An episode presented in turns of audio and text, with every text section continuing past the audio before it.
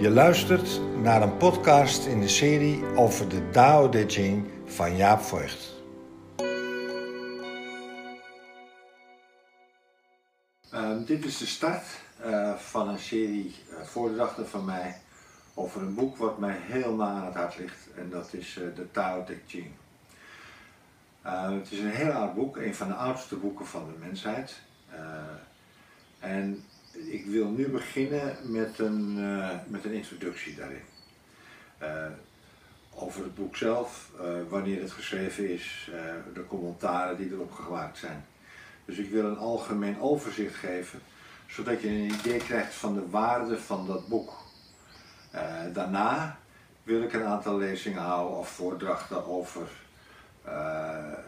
de inhoud ervan. Wat is de Dao, wat is de D, wat is de wijze? Um, en ik doe dat omdat ik uh, dat boek vertaald heb uit het Chinees. Dat is in 2003 gebeurd, dus al een hele tijd geleden. En uh, dat boek is nog steeds uh, levend voor me. Ik heb daar toen een commentaar bij geschreven. En het is nu 15 jaar later dat ik een heel nieuw commentaar zou kunnen schrijven. En dat is essentieel van de Tao Te King, van de leer. Die de, dat is het boek wat ten grondslag ligt zegt men van het Taoïsme. Uh, Lao Tse is de schrijver en uh, de essentie van het Taoïsme is dat uh, er zijn eigenlijk, het zijn wetmatigheden die gegeven worden. Het is alsof er een landschap geschetst wordt. Een, een landschap waar je doorheen kan lopen. en daar zijn een aantal routes door. Dat zijn hoofdroutes. Uh, en het is verstandig om die hoofdroutes te volgen, maar je kan ten alle tijden binnen die hoofdroutes, uh, binnen de speelruimte die er is, en dat is heel groot, kan je je eigen weg volgen. En dat betekent dat eigenlijk iedereen die met het Taoïsme bezig is, is bezig om zijn eigen vorm van Taoïsme die bij hem of haar past, om die uh, te ontdekken. En dat blijft een voortdurende ontdekkingstocht. Uh, dat is wat mij aan dit boek fascineert en dat is waarom ik het van belang vind om daar nu een aantal uh, voordrachten over te houden uh, die te zien zijn op de website. Nou, het boek is geschreven door Lao Tse en Lao Tse was een, is een legendarische figuur. In tegenstelling tot Confucius is, het, is Lao Tse legendarisch, Confucius is historisch, aantoonbaar, die heeft geleefd, daar zijn annalen van. En uh, Lao Tse is eigenlijk een mythische figuur. Um, uh, er wordt gezegd dat de Tao Te Ching ongeveer tegelijk met Confucius 500 voor Christus uh, uitgekomen is. Maar als je naar de tekst kijkt en de stijl, die verschillen nogal in die periodes, dan kan je zeggen dat het rond 350 voor Christus geschreven is, neergelegd is. Er is een enorm gedoe onder uh, scholars of het nou één man is of dat het een school is. Of het door één man Lao Tse geschreven is of dat het een school van gedachten is. Uh, en ik zelf vind die discussie niet zo ontzettend belangrijk. Ik vind het van belang om naar de inhoud van de tekst te gaan. En de inhoud van die tekst, uh, die is zo dat of het spreekt je meteen aan en je bent er je hele leven mee bezig. Of na 20 minuten leg je het boek weg en dan kijk je nooit meer in. Dus het betekent dat het een soort taal is, een soort beeldtaal. Uh, dat is de Chinese tekens, de Chinese karakters, is een beeldtaal. Uh, het is een beeldtaal die je aanspreekt of die je niet aanspreekt. Ik wil proberen een introductie te geven, zodat je kan nagaan of dit passend is bij jou of dat het niet passend is. Wat ik wel wil zeggen is dat het uitermate wonderlijk is dat dat boek nu eh, 2500 jaar, 2300 jaar overleefd heeft. En dat het nog steeds uh, gebruikt wordt. Een van de meest vertaalde boeken van de wereld. En de een of andere manier is het dus zo dat, dat daar gezegd wordt een eeuwigheidswaarde heeft. Uh, net als alle meesterwerken, uh, dat, dat staat buiten de tijd. En uh, de tijd is, speelt ook eigenlijk geen rol. Uh, van 2300 jaar geleden tot nu is het achter elkaar uh, bestudeerd, geraadpleegd, duizenden keren in China becommentarieerd. Er zijn in eh, het Engels 380 tot 400 vertalingen. In het Nederlands alleen al zijn er 40 soorten vertalingen uitgekomen. En het betekent, alleen als je die getallen hoort, dat iedereen heel veel met die basistekst kan doen. En dat komt omdat de Chinese tekens, die beeldtekens, heel veel ruimte laten. Ik zal een voorbeeld geven.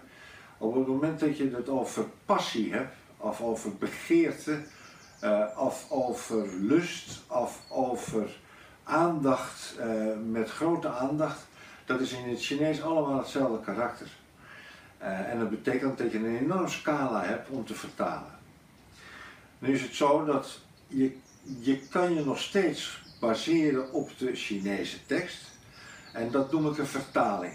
En ik heb zelf ook zo'n vertaling proberen te maken die werkelijk gebaseerd is op, uh, op het Chinees. Daarin zijn al veel verschillen, dat heb ik net verteld. Daarnaast zijn er vertolkingen en dat is dat mensen eigenlijk die symbolen en die, uh, die, die begrippen die daar staan, die hebben ze zich volkomen toegeëigend en hun eigen inspiratie met die, met die toegeëigende begrippen hebben ze hun eigen inspiratie verteld. Dat zijn allemaal soort toepassingen. De Tao van leiderschap, uh, de Tao van dit, de Tao van dat. Er zijn talloze van die boeken verschenen. En die hebben eigenlijk met de grondtekst weinig te maken. En die zeggen meer over degene die die tekst geschreven heeft en zijn of haar inspiratie, dan dat het zegt over de Tao Te King. Nou, de Tao Te King is een van de grote klassiekers van het Taoïsme. En je kan zeggen dat er drie of vier hoofdboeken zijn. De drie die goed te onderscheiden zijn, zijn de Tao Te King, de I Ching en de kunst van het oorlogvoeren. Daarbij is het zo dat de Tao Te King gaat over het, dat is het boek van het onveranderlijke, wat altijd hetzelfde blijft. Nou weten we dat dat wat geboren wordt in de wereld, dat gaat dood. Dus dat blijft niet altijd hetzelfde. Wat is er dan in deze wereld wat wel hetzelfde blijft? Het is die vraag waarop de Tao Te Ching ingaat. Het boek van het onveranderlijke in deze wereld. De D is een begrip wat moeilijk te vertalen is. Ik heb het vertaald met werking en je kan zeggen dat de D is de Dao aan het werk, dat onveranderlijke, aan het werk in de wereld. Dus wat is nou de werking van dat onveranderlijke? De werking in christelijke termen van God, de werking in, in islamitische termen van Allah. De werking van dat wat onzichtbaar is, maar wel een werking heeft. De Dao De, dus de Dao en haar werking, en de Jing is een verhandeling of handboek. De Dao De Jing, het handboek van het onveranderlijke en haar werking. Ik zeg haar omdat het Dao vrouwelijk is. Dat is het eerste boek. Het tweede boek is de I Ching. De I Ching is het boek der veranderingen. Dat gaat in op wat doe je in deze wereld waarin continu veranderingen plaatsvinden. Het is een meesterlijk boek wat bestaat uit uh, 64 uh, tekens, hexagrammen, en waarin in die 64 hexagrammen eigenlijk het veranderlijke leven beschreven wordt en becommentarieerd wordt op een fenomenale manier. Dat is een body of knowledge, een, een, vergaring van kennis die ze weergaan niet kent en eigenlijk altijd actueel blijft. Dat gaat over de wereld der veranderingen. Dan is het zo dat er een derde boek is, de kunst van het oorlogvoeren, ook rond 350 voor Christus door Sun Tzu. En dat is het boek wat gaat over abnormale situaties. Dat betekent extreme veranderingen. Dat de situatie uh, uh, uh, eigenlijk buiten de oevers treedt. En dat noem je oorlog. Dat heet ook de kunst van het oorlog voeren. In abnormale situaties moet je abnormale handelingen verrichten om het weer normaal te krijgen. Dus in een abnormale situatie is een abnormale handeling nodig om het weer gewoon te krijgen.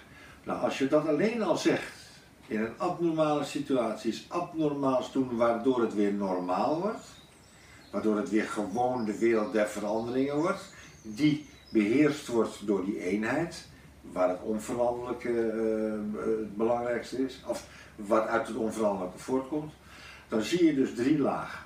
Nou, daarnaast is er nog één boek, dat is van Zhuangzi, dat is van een hele andere orde, dat zijn, is een verhalenbundel, fenomenale verhalenbundel, buitengewoon humoristisch, briljante stijl. En dat is, uh, die vier boeken, kan je zeggen, zijn de wortel van het Taoïsme. Nou, door de eeuwen heen is dat boek becommentarieerd, in China ook. De tekst die wij in Europa tot voor kort, laten we zeggen tot voor de jaren 1970 gebruikten, was een tekst die van 800 na Christus was. Daarvoor was er geen tekst bekend. Nu, in 1972, 1973, is er een tombe geopend waarin de oude geschriften nog opgeslagen lagen. En daarin werd een Tao Te Ching gevonden. Die was dus meer, bijna duizend jaar ouder. En het bleek dat behalve een hoofdstukindeling, hoofdstuk 1 en 2, eh, boek 1 en 2, dat eigenlijk op een paar tekens na het precies hetzelfde was.